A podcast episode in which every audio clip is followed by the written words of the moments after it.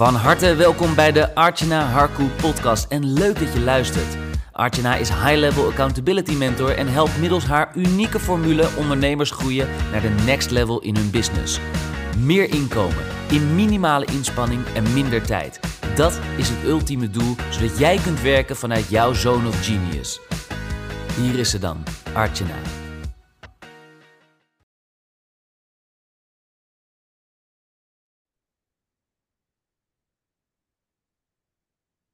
Yes, superleuk. We hebben vanochtend een hele leuke gast uh, in de podcast. Arshana, welkom. Dankjewel Monique. Heel tof dat ik hier uh, ja, vandaag aanwezig mag zijn.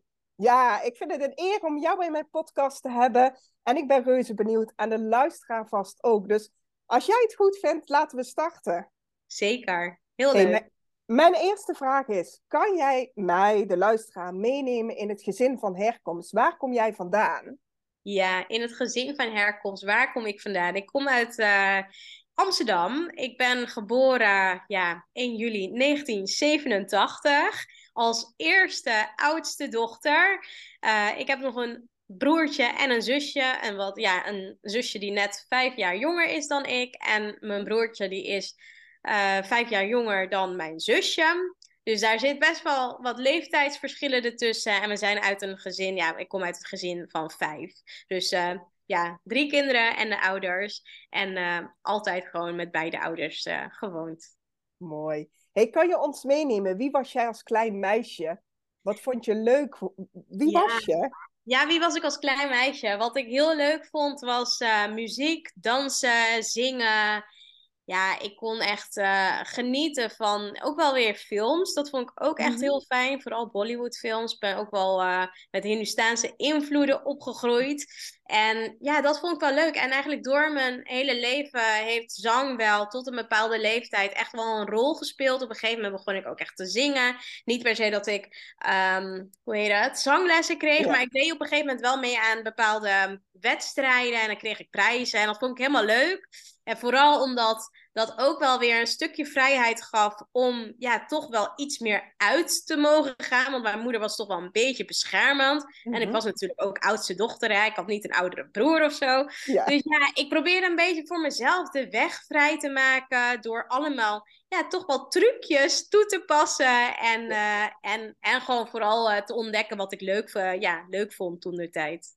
Ja, leuk om te horen. Hey, jij zit hier in deze podcast omdat je een oudste dochter bent. Oudste dochters hebben typische kenmerken. En heel even voor de luisteraar die net intuned en misschien even voor jou als reminder. Hè, een aantal eigenschappen die je veel ziet bij de oudste dochter een groot verantwoordelijkheidsgevoel. Uh, zorgen voor iedereen en alles. Uh, ook wel een beetje een serieuze kant hè, van je best doen en taken goed oppakken. Herken je die bij jezelf als klein meisje? Of... Ja, als ik kijk naar uh, het stukje ja, zorgen voor anderen, dat is wel echt wel een, ja, ja, toch wel een dingetje. Grote verantwoordelijkheden dragen.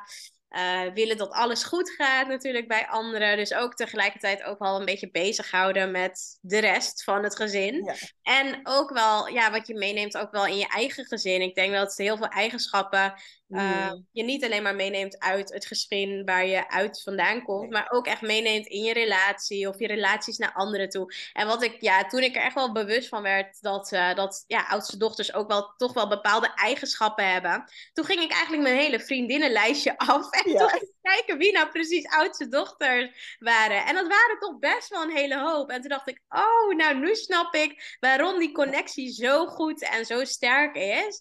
En uh, ja, soms hebben we het dan misschien alleen maar over koetjes en kalfjes met die oudste dochters. Maar ik voel daar zo een verbinding mee. Maar dat komt dus omdat we natuurlijk dezelfde ja, eigenschappen toch wel ook hebben. Ja, precies. Ja, mooi dat jij dat benoemt inderdaad. Want je ziet ja. dus ook vaak inderdaad, als je je daar bewust van wordt en je gaat om je heen kijken, denk oh mijn god, weet je, het zijn allemaal oudste dochters. Dus uh, leuk dat je dat ja. uh, inderdaad voor jezelf ook bent gaan doen. Hè? Hey, ja. En als je weer even terugzoomt naar jij als klein meisje, herken je ze daar? De eigenschappen? Um, ja, herken ik ze daar? Uh, en dan voornamelijk dus echt de verantwoordelijkheid. Ja, precies, in die kinderleeftijd. Dat je denkt, oh ja, weet je, toen was ik ook al een zorgzaam meisje. Of pakte ik al mm. veel verantwoordelijkheden. Of was je gewoon zo fladderend Weet ja, je, nou, ik denken van ehm, dat ik heel lang het idee had, ook wel echt, dat ik niet zorgzaam was. Dus dat ik altijd maar wilde dat er voor mij gezorgd werd. En dat heb ik echt best wel lang, dat idee heb ik ook best wel lang bij mezelf eh, vastgehouden. Dat ik ook op een gegeven moment dacht, ja, ik weet niet hoe dat straks gaat moeten. Als ik zelf een kleintje Ja. straks heb, ben ik wel zorgzaam. Maar toen ontdekte ik eigenlijk al, toen ik dus eigenlijk zwanger was en dus de eerste baby Ja. kreeg toen ontdekte dat ik eigenlijk daarvoor al heel erg zorgzaam was. En dat, dat, ja, dat ik dat niet van mezelf wist. En als ik kijk naar, ja, hoe was dat toen? Ja, zorgzaam. Ik denk dat mijn ouders wel, ik heb wel altijd een beetje het idee gehad dat mijn ouders wel heel veel voor me zorgden. En tegelijkertijd werd ik ook wel vanaf een bepaalde leeftijd, volgens mij was dat echt vanaf mijn vijftiende, werd ik er ook wel echt eh, op gewezen van, hè, als je, als je allemaal dingen wilt, dan moet je ook wel voor jezelf gaan zorgen. Dus echt dat zelfzorgen, dus ook Ja, eh, geld verdienen, dat leerde ik al best wel snel, om dat snel, ja, snel zelf te moeten doen, dus zelf allemaal zelf te moeten regelen, dus voor mezelf zorgen. En ehm, ja, echt zorgen voor anderen, dat heb ik niet echt meegekregen. Maar wel een groot verantwoordelijkheidsgevoel ook voor mezelf. Dus echt ook ehm, ja, goede resultaten willen behalen. Ik denk dat ik dat wel echt gewoon vanaf jongs af aan eh, en van mijn ouders moest behalen. Van hé, je moet gewoon goed je best doen op school. En eh, dat is het allerbelangrijkste. Dat kreeg ik heel sterk mee. En dat is wel een beetje door mijn hele leven doorheen gaan Mhm. sluimeren. Dat ik altijd wel gewoon heel goed mijn best doe. Altijd eigenlijk hele hoge standaarden voor mezelf neerzet. Maar daardoor ook gewoon goed werk kan leveren. Ja. Dus dat, ja, dat merk ik wel heel erg. Dus dat, dat stukje van, nou, ik wil echt heel goed mijn best doen. Ik wil dat mijn ouders trots op me zijn. Dat stuk, dat, dat had ik vroeger wel heel sterk. ja, precies. Ja. en wat je ook zegt, hè, dat is en inderdaad, het is er al heel jong ja, ingebakken, hè, van Ja, ja, je best doen en laten zien wat je kan. En ik vind het mooi dat je benoemt hè, van, hé, hey, maar dat heeft me ook heel veel gebracht, weet je. Dat maakt dat ik kwaliteit lever, want die kant zit daar ook aan, hè. Die scheidslijn tussen kwaliteit en valkuil, die is heel dun. Dus ik vind het mooi dat jij hem ook vanuit die kant belicht, Ja. zeg maar. Hey, als we die reis hè, van naar die kinderjaren, naar die puberteit. Je had het net al een beetje over jouw 15-jarige leeftijd, hè, dat je zelf geld verdienen. Kan je ons daarheen meenemen? Wie was jij als, eh, als puber? Als puber, oh, ik was echt wel rebels hoor. Ik, eh, als ik terugkijk hoe rebels ik was. Ja, was, volgens mij had ik net al wel. eh, ik zit even te denken, was mijn broertje. Volgens mij was mijn broertje er ook net al. En mijn zusje, die had ik ook al. En ja, ik zat net volgens mij. Ik zit even te denken, 15 jaar. Of ik zat nog op de MAVO of net op de MBO. Ik denk op de MBO al. En daar, daar zat ik al met gewoon allemaal leuke vriendjes, vriendinnetjes op school. En ja, ik werd best wel rebels. Ik wilde alles uitproberen, eh, dingen ontdekken, dingen wat niet mocht, de grenzen opzoeken.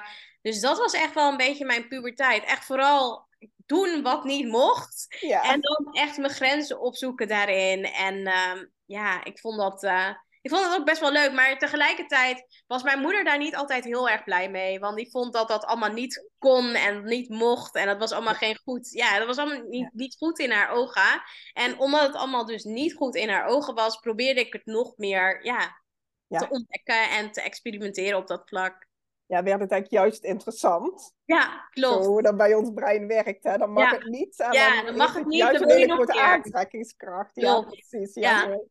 Hey, en jij zei al van, hè, van, ik ging van de MAVO, MBO. Ja, HBO. studiekeuzes, hoe is dat bij jou gegaan?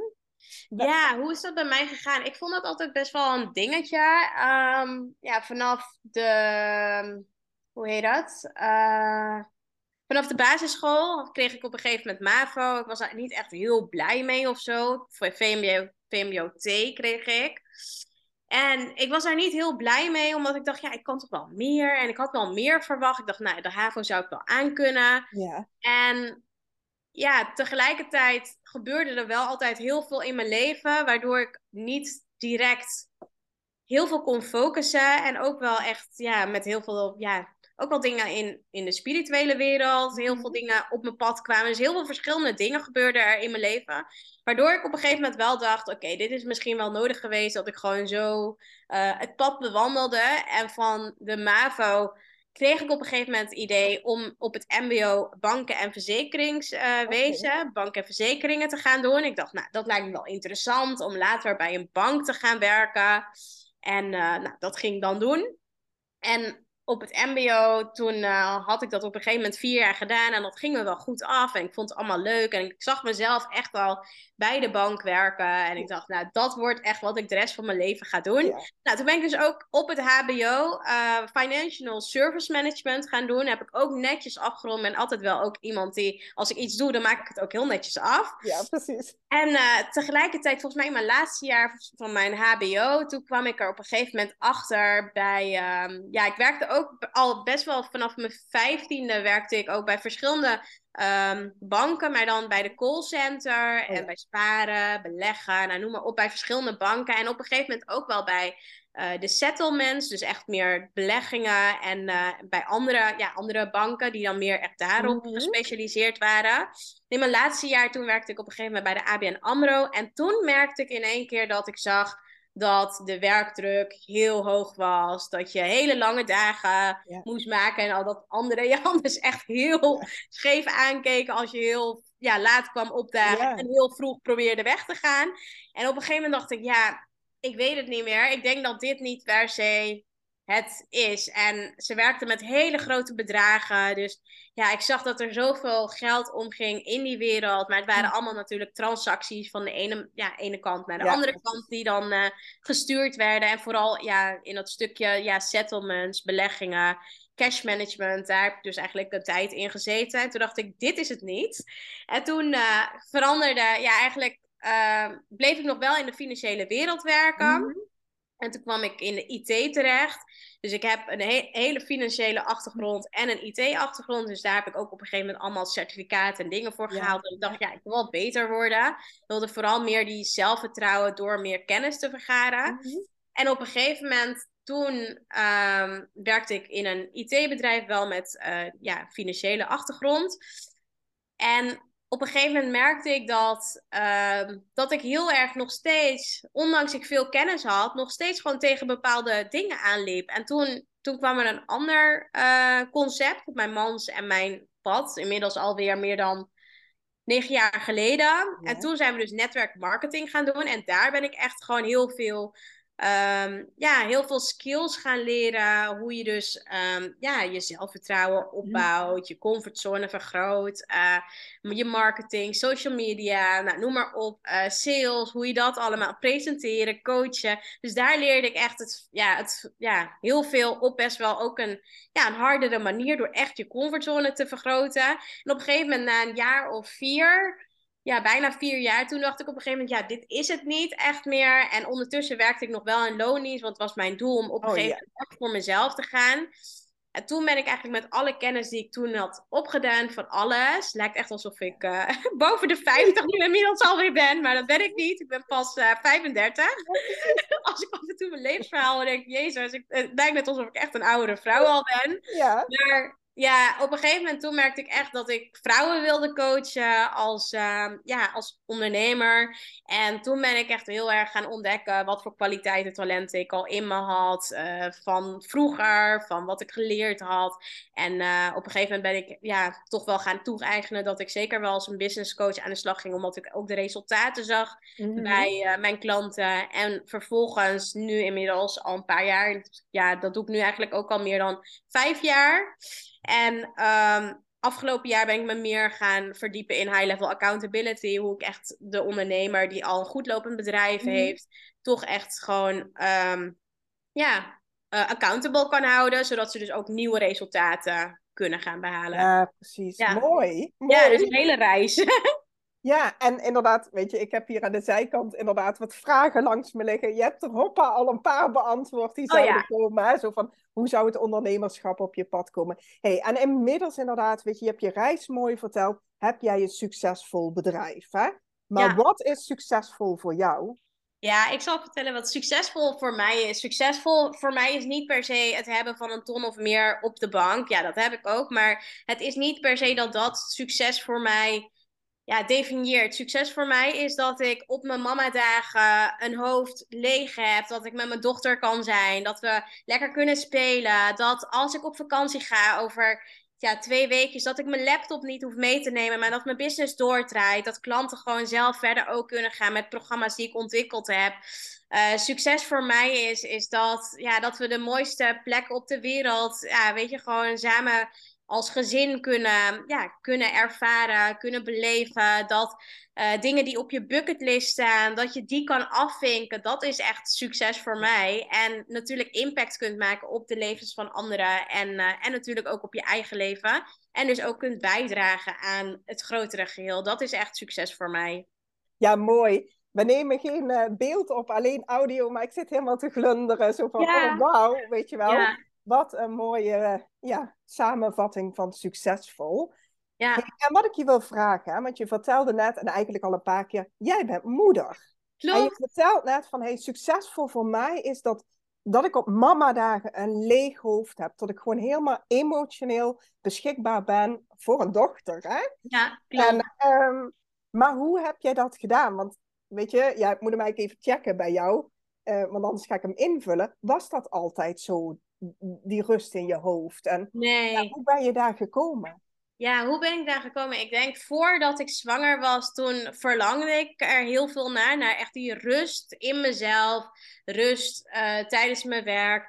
En toen ik zwanger raakte, vooral in het eerste trimester, merkte ik in één keer dat ik zo moe werd. En ik dacht, oh, als dit voor altijd blijft, dan kan ik niet meer doen wat ik hiervoor deed. Dus toen ben ik heel erg gaan kijken van hoe mijn agenda eruit zag. Wat ik deed in een jaar tijd, wat ik deed per kwartaal, nou, wat, wat ik deed op een dag. En toen ben ik echt gaan kijken, wat zijn nog echt de belangrijkste dingen... Mhm. Uh, die voor mij belangrijk zijn en waarbij ik nog steeds zoveel impact kan maken op, uh, ja, op andermans leven. En dat ben ik voor mezelf zo goed in kaart gaan brengen, waardoor ik ook heel veel dingen niet meer ben gaan doen. En de dingen die, die mij gewoon energie geven, wel ben gaan doen en blijven doen. Um, en dat heeft er wel voor gezorgd dat ik nu gewoon veel meer in balans ben. Dat ik veel meer rust ervaar. En dat ik, ja, ik denk ook door minder te doen, maar wel gewoon uh, nog steeds ja, meer te mhm. verdienen en elke keer ook meer te kunnen verdienen, dat dat wel gewoon heel veel rust geeft. Dus dat je niet hoeft te stressen om je rekeningen. Ik denk dat dat vaak ook wel, weet je, ook wel gewoon een druk geeft. Als je gewoon stress hebt om je rekeningen, als je niet weet of je einde van de maand uitkomt met alles wat je misschien moet betalen. Dat dat al een hele hoop scheelt. En vanuit daar dat je gewoon kan kijken van oké, maar wat, wat, ja, wat wil ik echt bereiken? En dat daar ook de dingen van uitkomen, dat mhm. geeft ook gewoon heel veel rust. Ja, mooi. En indirect geef je eigenlijk de luisteraar al een heleboel tips. Hè? Want uh, oudste dochters kunnen nogal wandelende hoofden zijn. Hè? Zo noem ik het wel eens zo van, ja, die staan altijd aan. Ja. Dus je geeft een aantal echt hele mooie praktische tips. Ben jij ook op het gebied van persoonlijke ontwikkeling aan de slag gegaan om rust te krijgen in je hoofd, in je leven, in je dag?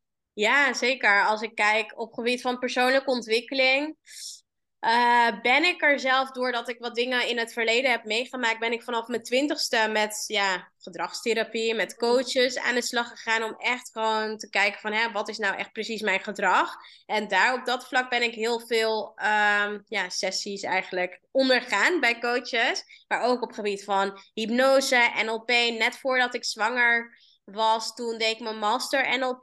Dus daarin ben ik ook veel meer ja, tools en handvatten bij mezelf uh, gaan toe-eigenen. Waardoor ik ook in, ja, in mhm. eigenlijk een vingerknip uh, veel meer rust ook over mezelf gewoon kan creëren.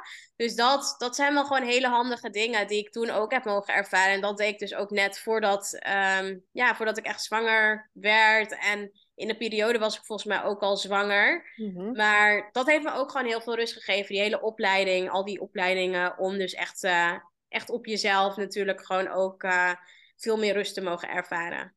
Ja, ja precies. Groeien als mens eigenlijk. Ja, hè? klopt. Ja, ja mooi, zeker. Mooi. Vond je het lastig om, uh, jij gaf eigenlijk wel aan hè, van op hele jonge leeftijd heb je eigenlijk al hulp gevraagd. Hè? Oudste dochters vinden het soms ontzettend lastig om hulp te vragen. Ja, um, nu kan ik me voorstellen, zeg maar, als je een succesvol bedrijf hebt, is het juist belangrijk om hulp te vragen. Je, je kan het niet maar allemaal alleen doen. Hoe is dat voor jou geweest? Ja, hulp vragen. Ik denk, soms kan je niet anders dan dat je ja, voor het punt staat om dus echt hulp te gaan vragen.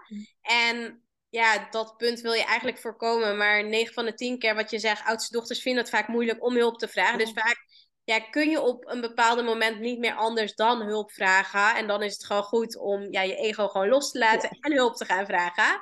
Ehm, dus dat, dat heb ik wel zelf ervaren. En ja, door ehm, ja, als we kijken business-wise, ben ik heel vaak gaan kijken van oké, waar heb ik nu hulp bij nodig? En om, om gewoon te uh, experimenteren. Dus niet te denken van oh ja, als ik hulp vraag, dan zit ik er voor altijd aan vast. Maar je hebt gewoon zelf nog steeds de regie in eigen handen. Je kunt gewoon stoppen met iets als je daar geen zin meer in hebt. En dat, uh, ja, dat ben ik gewoon telkens gaan ervaren. Dus gewoon dingen experimenteren, uitproberen. En werkt het niet, ja, dan werkt het niet. Ja, mooi, want dat is het eigenlijk. Maar dat is wel vaak wat oudste dochters lastig vinden. Hè? Want ik heb dit afgesproken. Dus daar hou ik me dan ook aan. Dus ik vind het mooi dat jij hem benoemt zo van... Oh, weet je, ga eens experimenteren. Je hoeft daar niet aan vast te houden. Hè? Je kan het ook loslaten als je merkt... Ja, dit is hem niet, zeg maar. Ja, zeker. Ja, mooi. Um, als je kijkt hè, in jouw reis naar een succesvol bedrijf... Hè, wat is daarin helpend geweest? Mm, als ik kijk naar mijn reis binnen mijn ondernemerschap, ja, wat echt helpend is geweest, is dat ik een coach aan mijn zij heb gehad.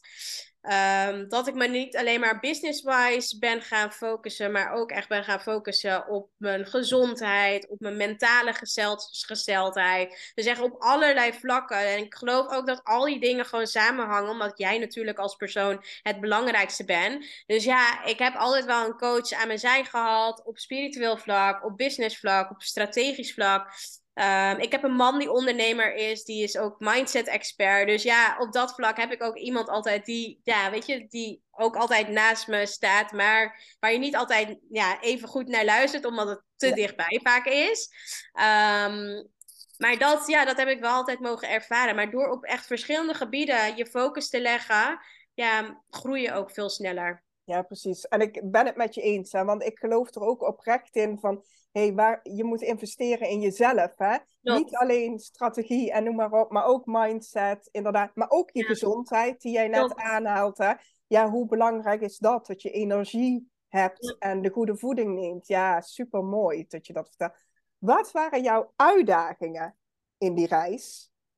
Binnen het ondernemerschap. Uh, ik denk dat ik echt wel heel lang de overtuiging heb gehad van als je hard werkt, dus als je hard genoeg werkt, dan verdien je meer omzet. En op een gegeven moment, volgens mij liep ik daar vorig jaar ook wel weer heel erg tegenaan. En toen ben ik heel erg, um, ja, juist veel inner work op dat gaan doen. Dus echt, ja, gewoon hele uh, diepe ceremonies aangegaan met mezelf en daar tot inzichten gekomen. Maar ook dat, dat het allemaal veel makkelijker kan. Dat je hulp moet gaan vragen als je ergens niet uitkomt. En um, ja, en juist ook gewoon je eigen pad moet gewoon bewandelen. En niet zoveel moet nadenken over wat anderen denken en wat anderen vinden. Want uiteindelijk is het ook gewoon echt jouw leven. Dus ik denk op dat vlak is het gewoon belangrijk om altijd je eigen, ja, je eigen pad te blijven volgen.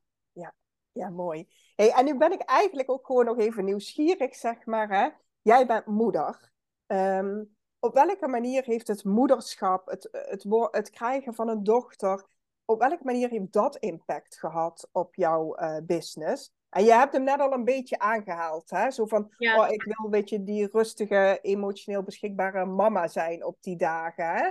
Ja, zeker. Ben. Maar ja, wat voor impact hadden die twee op elkaar? Ik ben minder sowieso gaan werken van uh, eigenlijk altijd het idee te hebben van ik kon ieder moment werken, ben ik van vijf naar drie dagen gegaan. Ja, wow. En uh, ja, nog steeds krijg ik gewoon al mijn werk gedaan, want ik wil gewoon op die mama dagen gewoon lekker vrij zijn. Ja, um, ja wat, wat voor impact heeft het nog meer gehad? Ja, ik ben wel ook daarnaast gaan kijken van oké, los van die mama dagen wil ik ook twee avonden minimaal door de week voor mezelf hebben. Dus ik heb twee avonden sowieso per week uh, voor mezelf mijn man ook. En dan heb je dus ook minder dat, dat je, ja, weet je, als je echt iets leuks wil doen met anderen of voor jezelf nog wat wil doen, dat je niet met elkaar iedere week hoeft af te stemmen van kan jij dan of kan jij dan opletten op Mayalin. Nee, want dan heb je al je avond al vaststaan. En uh, voor mij is dat, werkt dat echt gewoon heel fijn. Um, Ja, en wat, wat voor impact heeft het nog meer gehad? Ik denk dat ik uh, ja, ook echt een betere relatie heb gehad. Bijvoorbeeld met mijn moeder, omdat ik zelf nu moeder ben. Met mijn zusje, die ook mama is. Dus al die moeders om me heen, die ook in diezelfde periode moeder zijn geworden. En je hebt er ook wel een diepere connectie mee. Dus doordat je allemaal een beetje door dezelfde ja, ervaringen, situaties, dingen ja, doorheen gaat. Ja, mooi. En herkenbaar, denk ik, uh, voor velen. Uh, op welke manier het moederschap impact kan hebben op, uh, ja, ook op jou als persoon. Hè? Ja. Als, als jij de luisteraar zeg maar een tip zou mogen geven, hè? en ik, het is altijd een hele brede vraag, zeg maar, hè? wat zou die tip dan zijn? En de mm. luisteraar is de ondernemende oudste dochter. Ja, als je ondernemende oudste dochter bent, is um ja, is mijn tip sowieso voor jou om echt te doen wat jij wilt, zonder ja, het houden van regeltjes en dingetjes, maar echt gewoon te gaan volgen wat, um, ja, waar jouw passie, waar jouw vuur van helemaal aangaat. En er ook voor te zorgen dat als je echt plannen, ideeën hebt, om dan dus echt hulp te vragen. Iemand die je accountable houdt, iemand die ervoor zorgt dat je echt jouw grootste dromen kunt gaan realiseren. Ehm, want dat zorgt er gewoon voor dat je ja, in beweging komt en niet hoeft na te denken over dingen waardoor je misschien uh, juist vastloopt. Op ja. dat ja, hele mooie tip. Hey, en in deze tip combineer je eigenlijk twee dingen. Hè? Zo van hey, dat vuurtje zoeken waar je van aangaat. En iemand hebben die accountable voor je is. En volgens mij is dat jouw vuurtje, hè? Zo, jouw eigen vuurtje, zeg maar. En is dat wat jij doet. Kan je ons daar nog heel even in meenemen? Wat jij op de dag van vandaag doet? Ja, als ik kijk naar, weet je, ook wel een beetje een stukje oudste dochter zijn, hè? Verantwoordelijkheid ja, toch wel een beetje verantwoordelijkheid voelen. Niet alleen maar voor jezelf, maar ook voor anderen. Dat neem ik ook wel heel sterk ook wel mee in mijn werk. Echt die verantwoordelijkheid te voelen voor de resultaten natuurlijk. Voor mijn klant, natuurlijk zijn ze zelf uh, verantwoordelijk voor hun resultaten. Maar ik wil wel dat ze het meeste eruit halen. Dus juist om die support te geven. Juist om die cheerleader te zijn. Maar juist ook om er voor de klant te zijn wanneer ze je juist nodig hebben. Want een, ja, een... Um, een succesvolle business gaat niet in een rechte lijn. Er gebeuren altijd gewoon heel veel dingen. En daarin is het gewoon juist fijn om iemand te hebben die, uh, ja, die naast je staat, die, uh, die je support, die je helpt. Dus op dat vlak um, ja, vind ik wel gewoon heel mooi hoe ik dat uh, voor mijn klanten natuurlijk kan doen. Ja, zeker. Mooi. Hey, en als mensen nou denken, nou, ik ben er wel nieuwsgierig naar. Waar ben jij te vinden? Ja. En je hoeft het niet te spellen, want ik zet het in de show notes. Ja, helemaal goed. Nou, je kunt me vinden op Instagram, Facebook. Uh, ik heb een eigen podcast, allemaal onder Archna Harku, ook op LinkedIn. TikTok, nou noem maar op, al die social media kanalen. Je kunt me overal vinden. En uh, op iedere platform ben ik net iets, uh, ja, niet per se anders. Ik ben altijd mezelf. Maar mm -hmm. TikTok heeft weer hele korte video's. Uh, op Instagram zie je veel meer posten en stories door mijn dag heen. Dus vind je het leuk om me te volgen? Ja, stuur me sowieso een berichtje als je me aan het volgen bent. Ik vind het altijd leuk om te connecten en om je terug te volgen. Dus doe dat zeker. Ja, precies, want zo is eigenlijk ook onze podcast ontstaan. Hè? Gewoon door te connecten op DM. Dus leuk, maar eigenlijk zit jij dus op alle platformen wel zo'n beetje. Klopt, ja. ja superleuk. Arjanne, is er iets waarvan jij zegt, nou, daar hebben we het nog niet over gehad, of dat zou ik toch nog willen uh, benoemen? Mm, ja, ik denk sowieso, kijk, op het moment dat je als ondernemer en als succesvolle ondernemer je business wilt runnen, start dan eerst met het hebben van een gameplan. En zorg er ook voor dat als je die gameplan hebt, dat je er vaker naar terugkijkt. Dat je echt weet wat um, je doelen zijn voor in ieder geval ieder kwartaal. Zodat je daar grip op krijgt en ook de acties gaat uitvoeren die je wilt gaan uitvoeren.